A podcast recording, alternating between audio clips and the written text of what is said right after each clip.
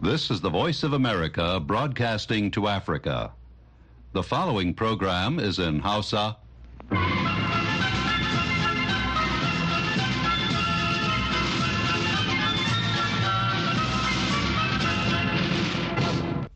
Sashen Hausa na muryar Amurka ke magana daga nan birnin Washington DC. Masu sauraro Assalamu alaikum barkanmu da wannan lokaci da fatan an waye gari lafiya. Maryam Dauda ce tare da Sarfila Hashim Gumel da sauran abokan aiki muke farin cikin gabatar muku da wannan shirin da safe. A yau talata 23 ga watan Janairu na shekarar 2024. To kafin ku ji abubuwan da muke tafa da su da farko ga kanan labarai. To Maryam Amurka ta yi kira ga Isra'ila ta kare fararen hula asibitoci yayin da sojin Isra'ila ke ci gaba da yaƙin da suke da mayaƙan Hamas a Gaza. Shugaban ƙasar Ukraine ya sanar da wata doka da za ta iya baiwa 'yan ƙasashen waje da ke yaƙi a Ukraine da Rasha izinin zama 'yan ƙasa. Haka kuma za a ji cewa sakataren harkokin wajen Amurka ya bayyana cewa Amurka ta ƙudiri aniyar ƙara zurfafa dangantakar abokantaka a faɗin Afirka. To a cikin shirin namu na yanzu za ku ji cewa masu ruwa da tsaki akan harkar tsaro da zaman lafiya a ƙasar Ghana sun buƙaci gwamnatin ƙasar ta sauya salon magance rikice-rikicen kabilanci da ake fama da su daga inganta dokar hana fita zuwa zama teburin sulhu kamar yadda masu sharhi irin su Umar Sanda Ahmed suka bayyana. Mafi alheri shine waɗanda suke anguwa. Kowa ya san dan wani bi na nan abin da yake kawo rashin fahimta bai kaka kara ya karya ba. Ya kamata mu fara ɗaukan darasi da fahimtar juna. To za ku ji ƙarin bayani nan gaba.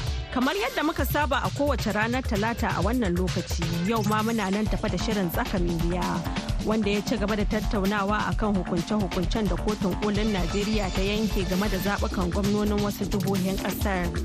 Amma kafin nan sai a gyara zama a saurari labaran duniya kashi na farko.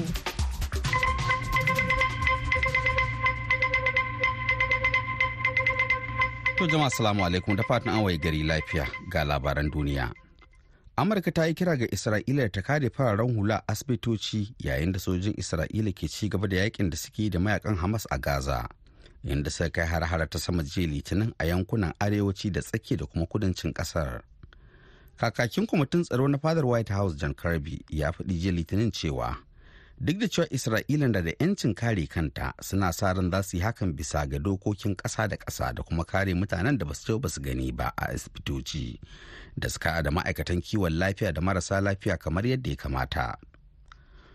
Kamfanin dillancin labaran reuters ya bayar da rahoton cewa a ranar litinin sojojin isra'ila sun kai farmaki kan wani asibiti a gundumar almawasi da ke yammacin birnin kan yunis a kudancin gaza. Kakakin ma'aikatar lafiya ta gaza ashraf al-qidra ya shaida kamfanin dillancin labaran ƙasar cewa sojojin isra'ila sun kama ma'aikatan lafiya a asibitin isra'ila ta zargi ƙungiyar hamas da jefa fararen hula cikin haɗari tana mai cewa da gangan ƙungiyar ta 'yan ta'addan take gudanar da ayyukanta asibitoci da kewaye kuma ta samar da hanyoyin ƙarƙashin ƙasa. Jiragen saman yaƙin amurka da na birtaniya da ke samun goyon bayan jiragen ruwa da na ƙarƙashin ruwa sun kaddamar da wasu jerin hare-hare a yankunan da ke ƙarshen ikon hutu na ƙasar yemen da yammacin jiya litinin da nufin ƙara ɓata ƙarfin mayaƙan huthi da ke samun goyon bayan iran waɗanda suka nemi kai hare-hare kan muhimman hanyoyin sufurin jiragen ruwa a gabas da tsakiya. Jami'an tsaron amurka sun ce sun kai hari a wurare da dama a wuri takwas ciki har da wurin ajiyar kaya na ƙarƙashin ƙasa da kuma wuraren harba makamai masu linzami da sauran wuraren da ke alaƙa da ayyukan leƙen asiri na huthi an zaɓo wuraren da aka kai harin ne da niyya don kai hari kan na'urori da makamai don kada a yi asarar rayuka kamar yadda wani babban jami'in soji shida manema labarai. Jami'in ya kesa wurin ajiyar na ƙarƙashin ƙasa yana ɗauke da makamai na zamani cikinsa fiye da wuraren da aka fara kai wa hari a zagayen farko a ranar goma sha ɗaya ga watan janairu. Shugaban ƙasar ukraine vladimir zelensky ya sanar da wata doka da za ta iya baiwa 'yan ƙasashen waje da ke yaƙi a ukraine da rasha izinin zama 'yan ƙasa. An gabatar da dokan ne a jiya litinin a ranar tunawa da ranar haɗin kan ƙasar ukraine domin tunawa da haɗewar da aka yi a shekarar 1919 na yammaci da gabashin ukraine wadda ta fuskanci mamayewa da dama a tsawon tarihinta. Dubban 'yan ƙasashen waje ne suka garzaya zuwa ukraine a lokacin da sojojin rasha suka fara mamaye ƙasar a shekarar 2022 domin kare ta tare da sojojin ukraine. Zelensky ya kuma sanar da cewa sabuwar dokar da aka gabatar za ta bai wa 'yan kabilar ukraine da zuri'arsu daga ko'ina a cikin duniya damar samun 'yan ƙasa biyu amma ban da rasha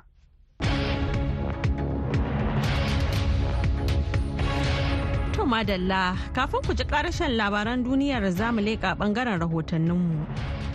Masu ruwa da tsaki akan harkokin tsaro da zaman lafiya a Ghana sun buƙaci gwamnatin ƙasar da ta sauya salon tunkarar rikice-rikicen ƙabilanci ta hanyar hawa teburin sulhu domin samar da maslaha. wannan kiran dai na zuwa ne biyu bayan rikicin kabilancin da ya faru a wasu yankunan ƙasar da suka hada da baku lamarin da ya janyo hasarar rayuka tare da tilastawa ɗaruruwan mutane barin matsugunansu duk da inganta dokar hana fita da gwamnati ta yi wakilin muryar amurka hamza adam na ɗauke da karin bayani a cikin wannan rahoton daga kumasi. An shafe sati biyu bright dalibin firimari tare da wasu abokansa ba sa zuwa makaranta sakamakon matsala ta rikicin kabilanci da suke fama da shi a gundumar Nkwanta ta kudu abin da ya tilasta su ficewa gunin domin neman mafaka. Ba na samun walwala a nan saboda abin da ke faruwa a Nkwanta ba da kyau. Yana mummunan tasiri akan neman ilimi na saboda ba na zuwa makaranta kwanakin nan. Ina rokan gwamnati da ta taimaka mana saboda mu kuma mu samu mu ci gaba da karatu. Gomman mutane ne suka mutu, kazalika ɗaruruwa suka rasa mahallinsu sakamakon rikicin kabilanci a yankin Nkwanta da ke jihar Uti na ƙasar Ghana tare da Boko da ke jihar maso gabashin ƙasar a baya-bayan nan. Gwamnatin Ghana ta ɗau matakai da dama ciki har da inganta dokar hana fita domin ganin ta shawo kan wannan matsala amma ko hakan ya ci tura. Masu sharhi kan harkan tsaro da zaman lafiya a ƙasar na buƙatar da gwamnati ta sauya salon tunkarar rikicin kabilanci daga inganta dokar hana fita zuwa zama a teburin sulhu domin samar da maslaha. Emmanuel cotton daraktar cibiyar africa center for security and counter-terrorism. Is not the panacea to resolve mu a cibiyar mun yi imanin cewa dokar hana fita ba shine hanyar da zai taimaka wajen shawo kan matsala ta rashin tsaro ba. Kusan shekaru huɗu kenan da aka inganta dokar takaita zirga-zirgar jama'a a wasu yankunan ƙasar sakamakon matsala ta rashin tsaro. Amma ba a samu natija mai kyau ba kuma harkokin kasuwanci sun koma baya a waɗannan yankuna. Ya kamata da gwamnati ta ɗau mataki irin na yankin daban sabida an samu zaman lafiya a wannan yanki tun lokacin da aka yi zaman sulhu. Sheko umar sanda ahmad mai sharhi kan harkan tsaro a ghana cewa kafin bai zama solution ka duba ta fuskan bako cikin ma kafin ake halbe-halben ana kashe juna. Don shi mafi alheri shine waɗanda suke anguwa kowa ya san dan wani bi na nan abin da yake kawo rashin fahimtar bai kaka kara ya karya ba. Bi ma'ana ana ɗaukan entrenched position a kai abin bai kai ma a yi entrenched position ba. Don shi ya kamata mu fara ɗaukan darasi da fahimtar juna. Ita kuwa majalisar wazar da zaman lafiya ta ƙasar ghana wato national peace council ta bayyana cewa ko shakka babu bata yi kasa a gwiwa ba. A ƙoƙarin da take na neman shawo kan wannan rikici na kabilanci da ya ci yake cinyewa a wasu sassan faɗin ƙasar Sheikh Salman Alhassan babban jami'i ne a majalisar. Muna da matakai da mun ka doki kan kowane irin yani matsala ne mun ka gani domin matsalolin nan ba guda ba ne. Akan haka wani lokaci muna muna bin abin kan su sarakai ne saboda mu shawo kan wannan matsala. Wani lokaci ana bin kan manyan addini ne kaman wanda ya faru kwanakin ga daga nkwanta. An bi kan yani manyan addini. Roman catholic suka ce mu bar musu su sun shiga ciki. Sun shiga ciki suka yi wadansu zattuttuka tare da ɓangare guda biyun duka. To da ana ga kamar da wannan abin an shawo kan abin. To kusan dai ɓangare guda abin da an ka dace kai ta hanyar roman catholic da mun ka sa su gaba kamar wani ɓangare guda ba su yarda da wannan ba shi yasa yanzu kuma muna nan muna shawara kuma mu duba hanya na biyu da kuma za a bi in ya so a shawo kan wanga matsala. Rikicin kabilanci na ɗaya daga cikin abubuwan da ke neman dushe farin jinin ƙasar Ghana ta ɓangare na tsaro, sabida an yi hasarar rayuka da dukiyoyi masu yawan gaske. Hamza Adam, muryar Amurka daga Kumasi, Ghana. Madalla a gaida Hamza Adam shirye-shiryen na zuwa muku ne daga nan sashen Hausa na muryar Amurka a birnin Washington DC. Yanzu kuma ga karashen labaran duniya. jiya litinin sakataren harkokin wajen amurka a tony blinken ya bayyana cewa amurka ta ƙudura aniyar ƙara zarfafa dangantakar abotakantaka a faɗin afirka inda ya fara rangadin ƙasashe huɗu a nahiyar domin nuna muradin washington a can duk da rikice-rikicen da ake fama da su a gabas ta tsake da ukraine. Blinken ya fara ziyararsa ta huɗu na afirka a wannan makon. Rangadin zai kai shi kawo barde da cote d'ivoire da najeriya da kuma angola. Muhimman abubuwan da sa a gaba sun hada da ƙarfafa kawancin tsaro da inganta lafiya da ci gaban tattalin arziki a yankin. A babban birnin cape verde faria blinken ya tattauna da prime minister ulis korea isilba jiya litinin ya kuma ziyarci jiragen ruwa na birnin porto da faria wadda ta samu kudade don inganta ayyukan zamani daga shirin gwamnatin amurka na millennium challenge cooperation. Guguwar hunturu ta baya-bayan nan ta addaba birtaniya da ireland ta kashe masu ababen hawa biyu tare da barin dubin dubatar mutane babu wutar lantarki. An soke ɗaruran jiragen ƙasa a ranar litinin yayin da ruwan sama mai yawa da iska mai ƙarfin tafiya kilomita 160 cikin sa'a guda.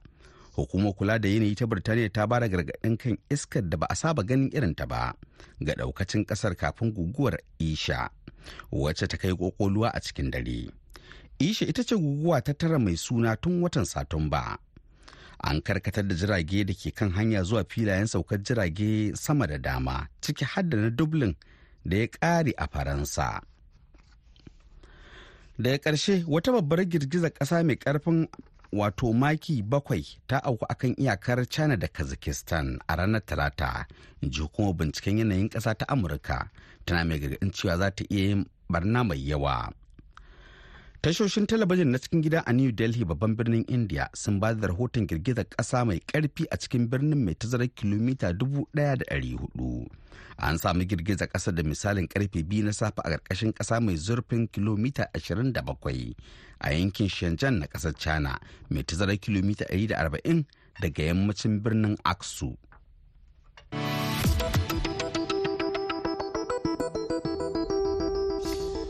Labaran duniya aka saurara daga nan sashen Hausa na muryar Amurka a birnin Washington DC.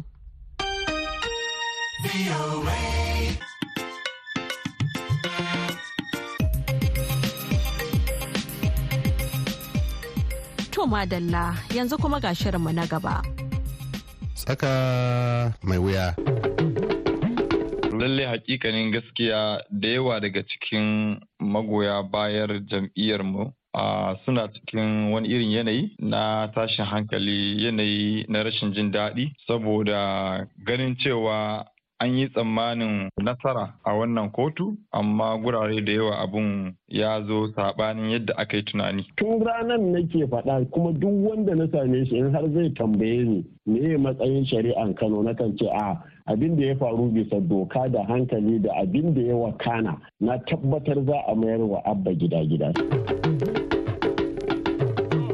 Jama'a sanuku da hutawa. Barkamu da saduwa da ku a wani sabon shiri na tsaka wuya.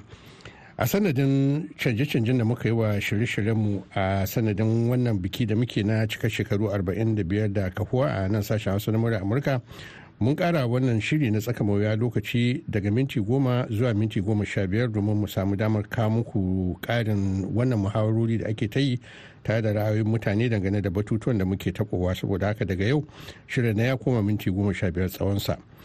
To ba da bayan faɗar wannan sai in ce bari mu koma ga siyasar kotun kolin najeriya da kuma shari'o'in da ta zartas ko ta yanke dangane da kararraki na gwamnoni wanda suka tusgo daga zaɓen watan mari na shekarar 2023 inda wasu suka yi kalubalen wannan zaɓuɓɓuka ɗin. To a zaman da ta yi na ranar juma'a da ta wuce wannan kotu ta koli ta najeriya ta sake tabbatar da gwamnoni guda shida da suka hada da gwamnonin apc guda biyar da kuma ɗaya na pdp gwamnonin da za su ci gaba da zaman su daram dam a kan mukamansu sun hada da ubasani na kaduna da abdullahi sule na nasarawa da inuwa yahaya na gombe da nasir idris na kabawa da dafo abiodun na jihar ogun. Gonan pdp kaɗai da aka tabbatar da ci gaban zamansa a matsayin gona shine gwamnan jihar delta wato shirif obreburi to za a tuna cewa kafin wannan lokaci ita kotun kolin din wato kafin wannan hukunci da ta yanke a wannan juma'a da ta gabata ta riga ta yanke wasu hukunce-hukunce na gwamnoni da dama kamar guda shida su ma da suka hada da gwamnan kano abba kabiru yusuf na jam'iyyar nnpp da sanwo olu na jam'iyyar apc a lagos da bala muhammad na pdp a bauchin yakubu da dauda lawan na pdp na jihar zamfarawa da kuma francis nwufuru na apc a imboyi ta da caleb mutuwan na jihar plateau shi ma na jam'iyyar pdp idan ka haɗa hancin dukkan waɗannan shari'o'i da aka yi na gwamnoni za ka ga cewa an yanke hukunci kan jihohi kamar guda goma sha biyar. Babban abin kula da wannan shari'o'i na kotun kolin najeriya shine cewa a yanzu ba ɗaya gwamna da ta cire wanda yake zaune daman kan karaga. Duk mutanen da suka kalubalance su na jam'iyyun adawa ne suka yi asara ko kuma suka sha ƙasa a wayannan shari'o'i din wannan ba shakka abu ne mai ƙarfafa gwiwa ga sauran gononin da ke jiran a yi tasu shari'a din wanda su makila suna sa ran su zarci. sunana mannar haidara kaura kwamishinan yaɗa labarai da bunƙasa al'adu na jihar zamfara dama mun san irin wannan ranar za ta zo ranar da gaskiya za ta yi halinta. Bayan court of appeal ba mu gamsu da hukuncin da ta yi ba mun garzaya spring court inda a halin yanzu mun samu adalci an yi hukunci wanda ya dace muna kira ga dukkan al'ummar jihar zamfara da su zo a haɗa kai domin a ciyar da jihar zamfara gaba. A wannan jagora namu mai daraja gwamnan jihar zamfara dr dauda lawal tuni wanda ya zo da kuduri na samar da sabuwar jihar zamfara. Sunana injina magaji muhammad yaya.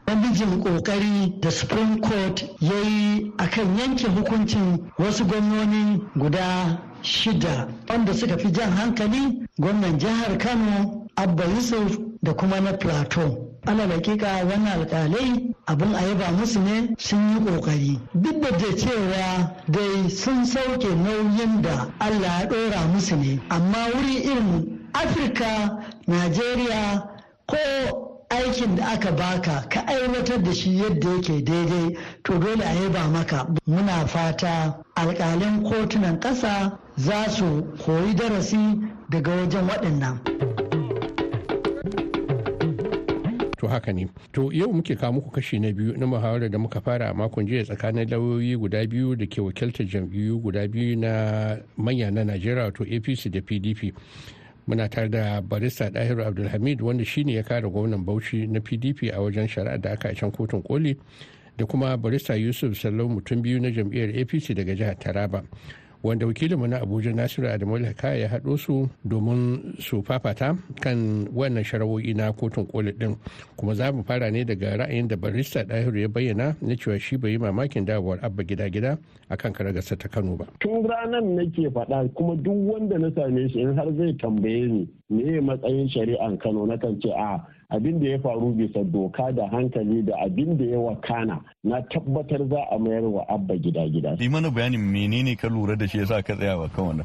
Na farko da aka zo za a yi shari'an nan su kansu alkalai cewa suka yi an ɗaukaka ƙara wajen kusan ɗaukaka ƙara a cikin wannan shari'a guda ɗaya kusan guda tara ne. Amma su ɗaukaka ƙarar na wajen guda tara ya yawa. Akwai wasu maganganun da ba tilas sai an yi su ba a nan. Da allah lauyoyi su je su haɗa kansu su fitar da abin da shine mafi muhimmanci wanda suke so kotu ta yi musu magana a kai. Ba batun kawai a zo a yi shari'a da sunan an shari'a ba. Muna so mu yi abin da ya kamata mu yi adalci mu yi abin da duniya za ta gani ta san cewa eh lalle muna kamanta gaskiya ne. Tun daga shimfiɗan farko na san cewa to ana so a tantance gaskiya. Lauyoyin nan suka fita suka je suka zo da abubuwa ina jin bai wuce ko uku ko biyu ba haka. Aka ce to waɗannan su ne musu mafi muhimmanci. Duk sauran korafi sun ta'allaka ne a jikin waɗannan manya-manyan maganganu wanda in an samu hukunci a kansu an huta. Aka ce eh haka ne. Sai aka ce to a fara shari'a. Na farko aka yi maganan cewa an soke kuri'un abba gida-gida wajen wajen dubu nawa ne? Ɗari da sittin da biyar ne ko da wasu abubuwa haka. Sai aka yi korafin cewa an soke wa'innan kuri'un nasa ne bisa zargin cewa ba a sa hannu a wasu takardun zaɓe ba ba a sa sitam ba hatimi a jiki sannan wasu ma ba a sa a wani rana ne ma aka aka yi wannan abin ba. Sannan aka ce na biyu kuma kasancewa ana ana jayayya akan cewa wai ai shi ba ma ba a same shi ma a cikin rijista na na NNPP ba. Shi ba kamar shi ba dan fatin ba ne kenan wanda bai cancanta ma a ce ya yi takara a wannan fatin ba kenan. Aka ce waɗannan abubuwa muhimmai guda biyu a zauna a faɗa wa juna gaskiya a kai. Eh amma amma barista Dairu Abdulhamid kafin mu je nan ai in an tuna ma za mu dawo. In an tuna abin da ya faru sakamakon shari'ar shugaban kasa ai PDP ku yan adawa kun nuna bakin ciki ba ma PDP ba da Labour kun yi watsi da abin da kotun kolin ta yi. Amma kafin nan mu dawo ka kare wannan bari mu je wajen Yusuf Salo mutum biyu. Ka kun bayyana wa kotu misali kamar mun yi misali a shari'ar jihar kano da inda kuka yi nasara kotun karar zaɓe zuwa kotun ɗaukaka ƙara. Yanzu kuma ga abun da ya faru.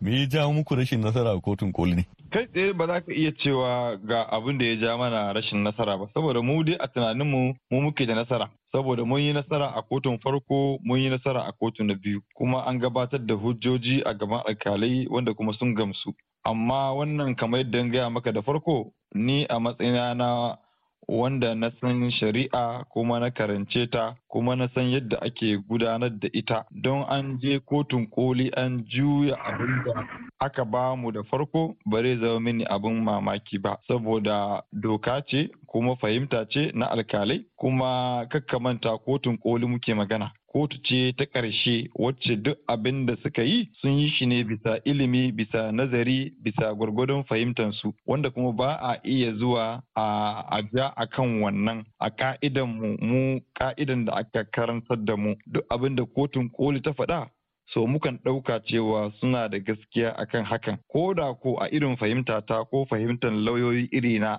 wanda muke tafiyar jam'iyyar apc muna ganin cewa akwai saɓanin fahimta akwai kuma rashin adalci ta wani ɓangaren to mukan ajiye wannan fahimtar a gefe mukan ɗauka cewa abun da kotun ta yi haka in ne a ka'ida. Yawwa to bari mu kuma wajen barista Dahiru Abdulhamid bashin tambayar da muke bi yanzu dai ga ku da yake kun yi nasara a jihar Bauchi kun yi a Filato kun yi a Zamfara. Kuna yaba wa kotun koli cewa yanzu an yi gaskiya. Amma in an tuna lokacin da aka ba da sakamakon zaɓen shugaban kasa kun ce kaya ba wayannan kawai rabu da maganan nan ba a kyauta muku ba. Kaga ya nuna kina fili nasara take sa a yaba wa kotu kenan. A yanzu kan ai muna magana ne akan cewa menene doka da kuma gaskiyansa ko tunda duwai na abubuwa dai sun wuce akwai lokacin da ba a faɗan gaskiya kenan.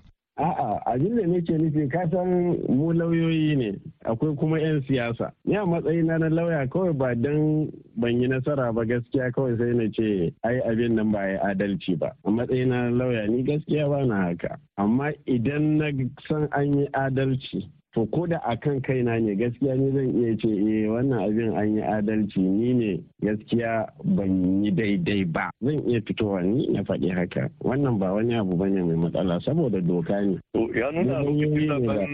Ya nuna a lokacin zaɓen a lokacin zaɓen shugaban kasa ka fita zakka a lauyoyin da suke maraba ko ayyuka ga lamura irin na jam'iyyar pdp kenan. Ni ban bibiyi ma shari'ar shugaban kasa sosai ba. Na gwamnonin nan dai da ka sani shine wanda ni ina ciki kuma an yi ta yi da ni kuma na saurara sosai iya gwargwado. A lokacin ni na shugaban kasa ma ban saurare shi kamar yadda na saurari shari'an gwamnonin nan ba. Don haka kamar misali yanzu magana abba gida-gida da muke yi. Ai kaga barista ya yi ya yi tuka ne da warwara ko da a cikin maganansa. Eh ina ya warware ina ya Misali shi da kansa ya ce doka ne ta ce sai dan jam'iyya ne zai iya korafi akan cewa wani ba dan jam'iyyarsa ba ne. Kuma ya ce dokan ne eh ta faɗi haka.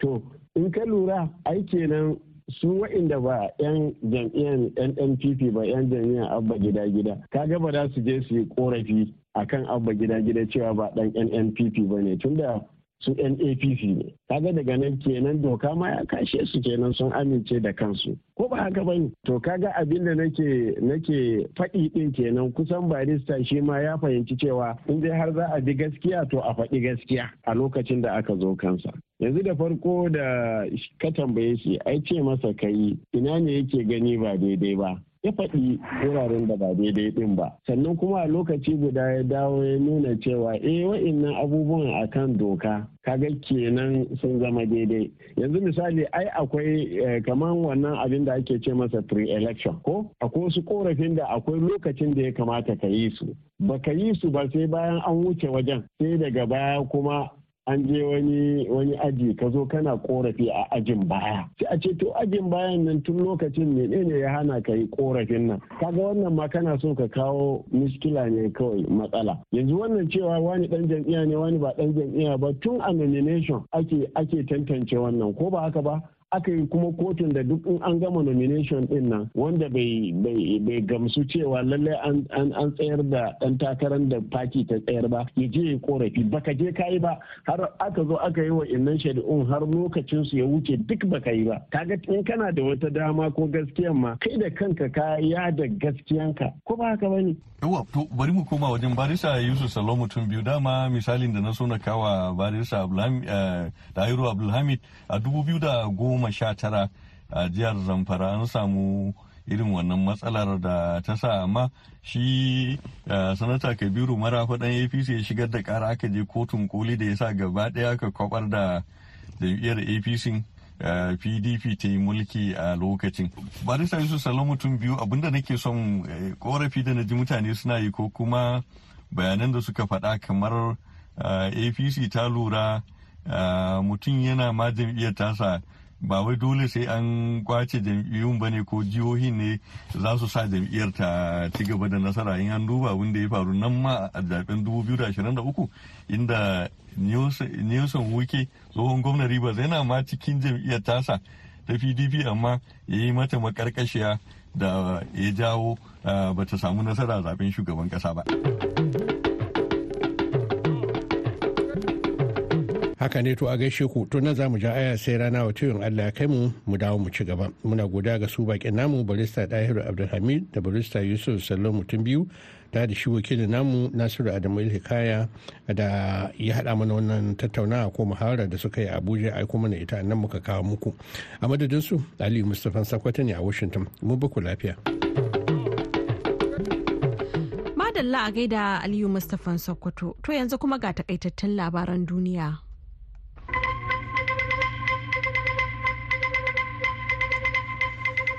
To a taƙaice an ji cewar Amurka ta yi kira ga Isra'ila ta kare fararen hula asibitoci yayin da sojin Isra'ila ke ci gaba da yaƙin da suke da mayaƙan Hamas a Gaza inda suka kai har-har sama a jiya litinin a yankunan arewaci da tsaki da kuma kudancin ƙasar.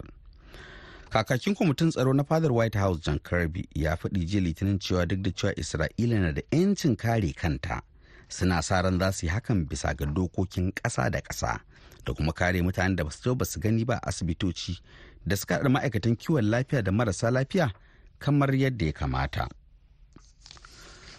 Jiragen saman yaƙin Amurka da na Birtaniya da ke samun goyon bayan jiragen ruwa na ƙarƙashin da na ƙarƙashin ruwa sun kaddamar da wasu jerin hare-hare a yankunan da ke ƙarƙashin ikon Hutu na ƙasar Yemen da yammacin jiya Litinin da nufin ƙara ɓata ƙarfin mayaƙan Hutu da ke samun goyon bayan Iran waɗanda suka nemi kai hare-hare kan muhimman hanyoyin sufurin jiragen ruwa a gabas ta tsakiya. Shugaban ƙasar Ukraine Vladimir Zelensky ya sanar da wata doka da za ta bai wa 'yan ƙasashen waje da ke yaƙi a Ukraine da rasha izinin zama 'yan ƙasa.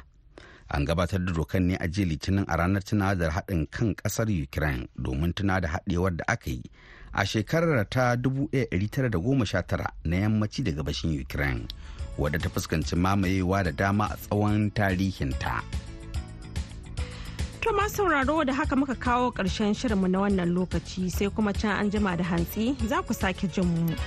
yanzu a madadin sarfila hashim gumel da ya taya na gabatar da shirin da daɗi balawai wanda ya hada shirin da ba da umarni da ma injiniya mu mr kelvin ni maryam dauda ke cewa ku huta lafiya.